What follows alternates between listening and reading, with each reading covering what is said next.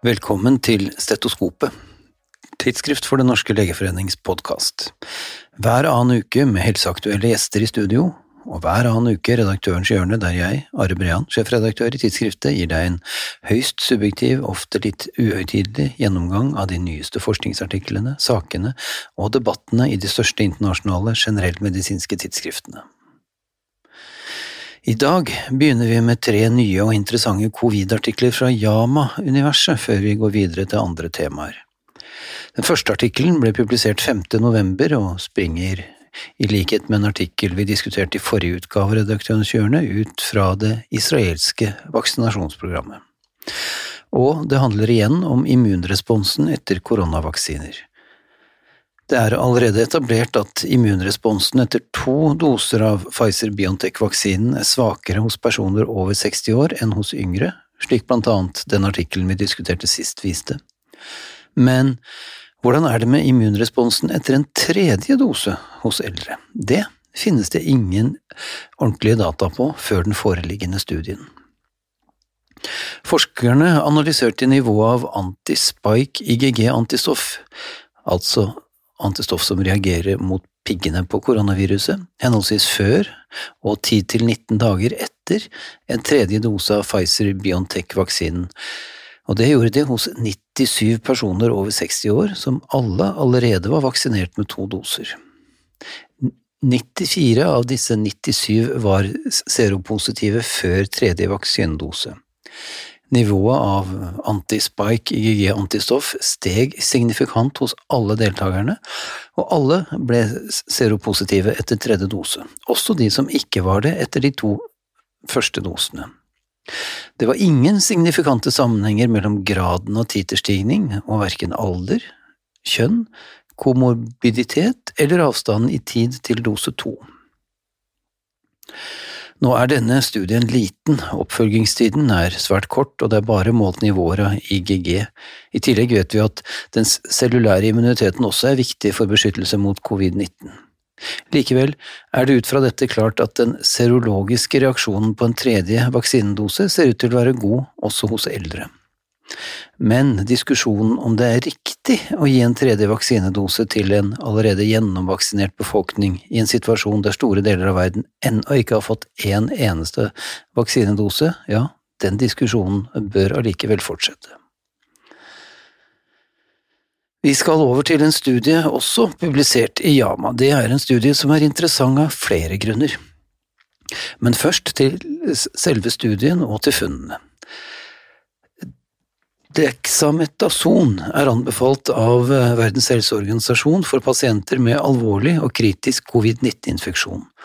Det er basert på syv randomiserte prospektive studier som har vist redusert mortalitet.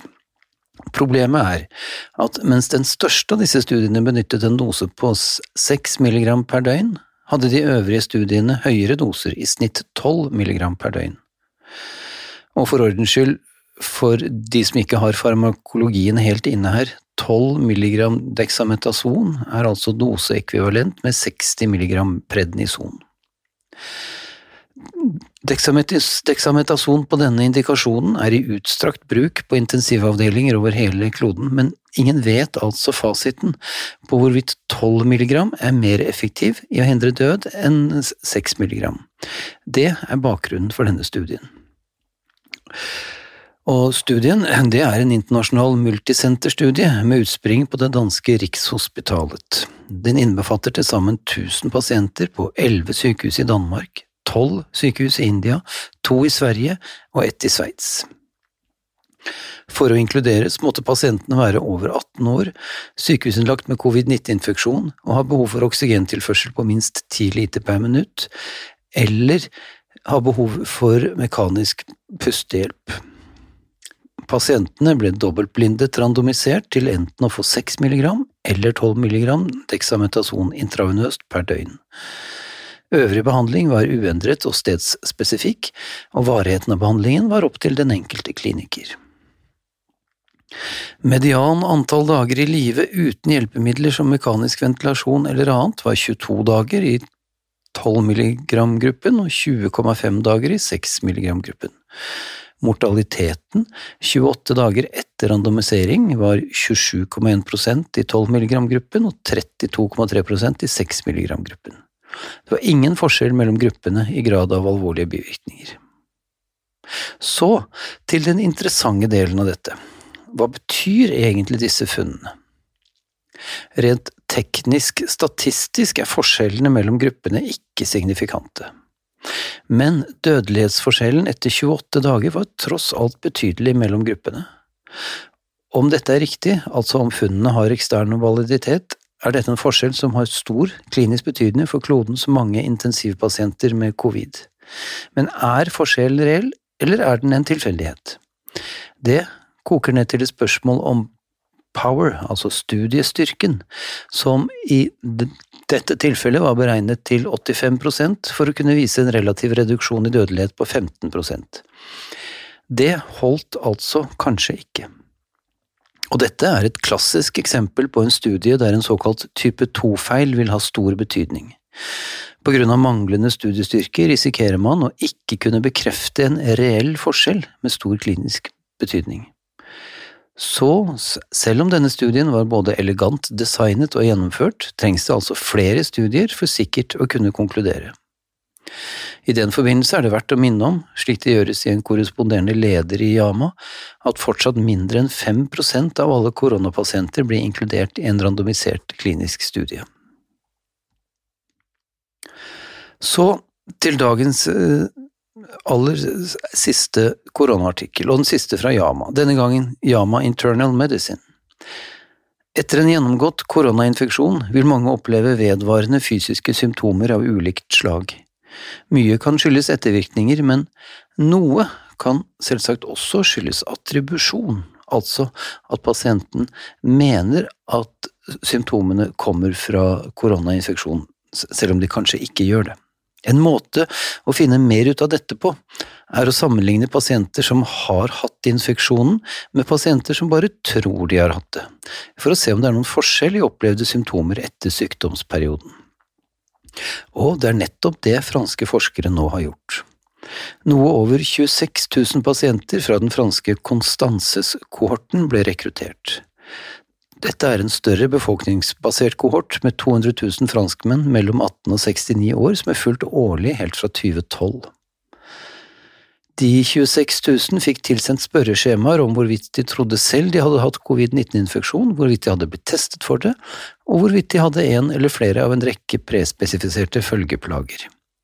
I forkant ble forekomsten av antis-SARS-CoV-2 IgG-antistoff målt hos alle. Selvrapportert gjennomgått infeksjon var assosiert med vedvarende fysiske plager, mens en positiv serologisk test for SARS-CoV-2 bare var assosiert med ett vedvarende symptom, nemlig anosmi, altså manglende luktesans. Her er det mange usikkerhetsfaktorer, selvsagt, men likevel, konklusjonen er at vedvarende fysiske symptomer etter gjennomgått mulig covid-19 ikke automatisk bør tilskrives infeksjonen men heller bør føre til videre utredning, inkludert det å se etter serologiske tegn på faktisk gjennomgått infeksjon. Vi skal forlate covid for i dag, men bare nesten, for først må vi innom en artikkel publisert i PLOS ONE. Det er en artikkel som har analysert konsekvensene av pandemien for kjønnsbalansen i vitenskapelig publisering interessant nok. Studien er også omtalt i Science denne uken.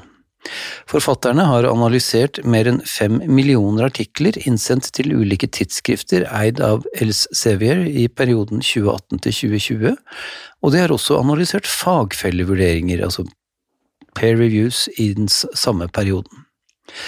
Sammenlignet med året før økte antallet innsendte manuskripter med hele 63% i de medisinske av disse tidsskriftene. Analysene viste også at i pandemiens første fase sendte kvinner inn relativt sett færre manuskripter enn i månedene forut for pandemien, altså slik den allerede eksisterende kjønnsulikheten blant akademiske forskere øh, og forfattere ser ut til å ha økt under pandemien. Spesielt ser dette ut til å ha affisert yngre kvinner, som i enda mindre grad enn eldre kvinner reduserte sin innsendelsesfrekvens. og også denne effekten var spesielt uttalt i de medisinske tidsskriftene sammenlignet med andre fagfelt. Men når det kommer til fagfellevurdering, og hvem som takket ja til å fagvurdere, altså ikke hvem som ble invitert, men hvem som takket ja, da forsvant denne kjønnsulikheten i stor grad. Kvinner, sammenlignet med menn, tok altså ansvar for en relativt sett større del av den frivillige, ubetalte og ofte usynlige delen av den vitenskapelige prosessen som fagfellevurdering er. Og dette mens menn i større grad sto for selve forfatterskapet, og fikk anerkjennelse og berømmelse i større grad. Som vanlig, hadde jeg nær sagt. Igjen viser det seg altså at pandemien har forsterket ulikhetene i verden, ikke bare ulikheter i helse, men også i akademisk publisering og kvalitetssikring. Vi skal holde oss i PLOS, men nå over til PLOS Medicine. Vi kjenner alle til den såkalte J-kurven for mortalitet og alkoholinntak, som viser at avholdsfolk eh, dør noe tidligere enn folk som drikker små til moderate mengder alkohol, mens mortaliteten øker igjen jo mer alkohol man drikker. Men hva som er de kausale faktorene bak dette tilsynelatende paradokset, det er ikke kjent. Det har fire tyske forskere satt seg fore å finne mer ut av. De tok utgangspunkt i et utvalg på drøyt 4000 tyskere som i 1996 ble tilfeldig utvalgt blant den nordtyske befolkning, og som ble fulgt opp igjen i 2017 og 2018.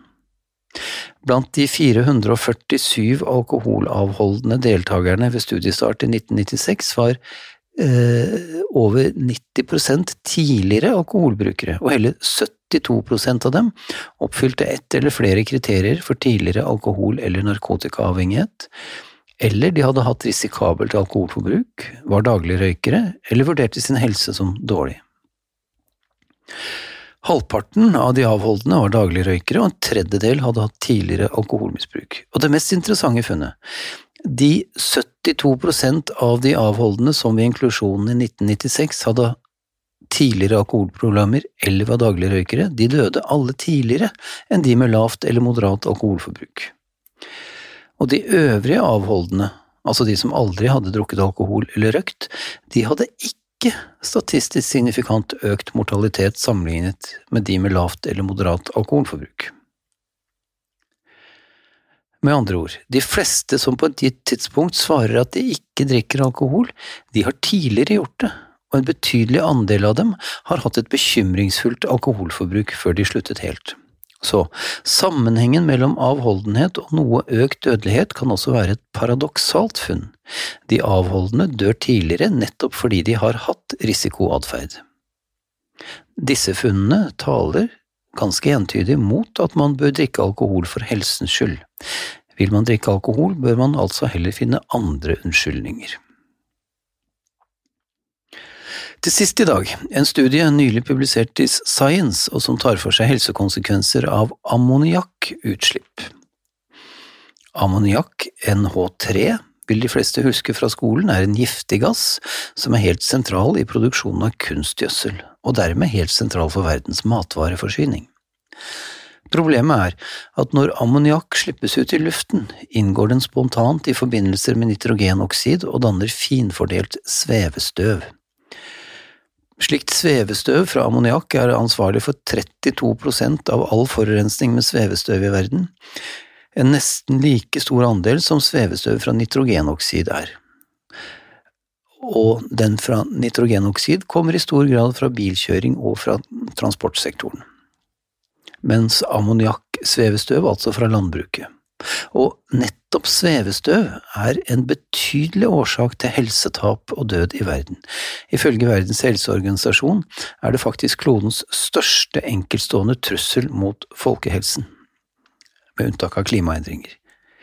Så, i den foreliggende artikkelen har et forskerteam fra Kina analysert ammoniakks andel av forurensning fra svevestøv og funnet at den er økende. Mens svevestøv fra ammoniakkutslipp i 1990-årene er beregnet å ha kostet 19,5 millioner menneskeliv hvert eneste år, hadde dette økt til 23,3 millioner årlige menneskeliv eh, ved siste beregningspunkt i 2013. Og mens å redusere forurensning fra andre nitrogener som nitrogenoksid er dyrt og omfattende, kan forurensningen fra ammoniakkutslipp reduseres med et estimert 10% av prisen, og med like god helseeffekt. Det kan først og fremst skje ved å optimalisere bruken av kunstgjødsel i landbruket med relativt enkle midler. Det vil både spare menneskeliv og begrense helsetap, og samtidig minske bruken av kunstgjødsel, ifølge forskerne. Og igjen er det forbausende hvor komplekse sammenhengene mellom eh, forurensning, klima og menneskelig forbruk er. Selv grønnsaksdyrkning har altså store helsekonsekvenser for en stor andel av verdens befolkning. Studien er for øvrig også omtalt i British Medical Journal. Og vi, vi høres forhåpentlig neste gang.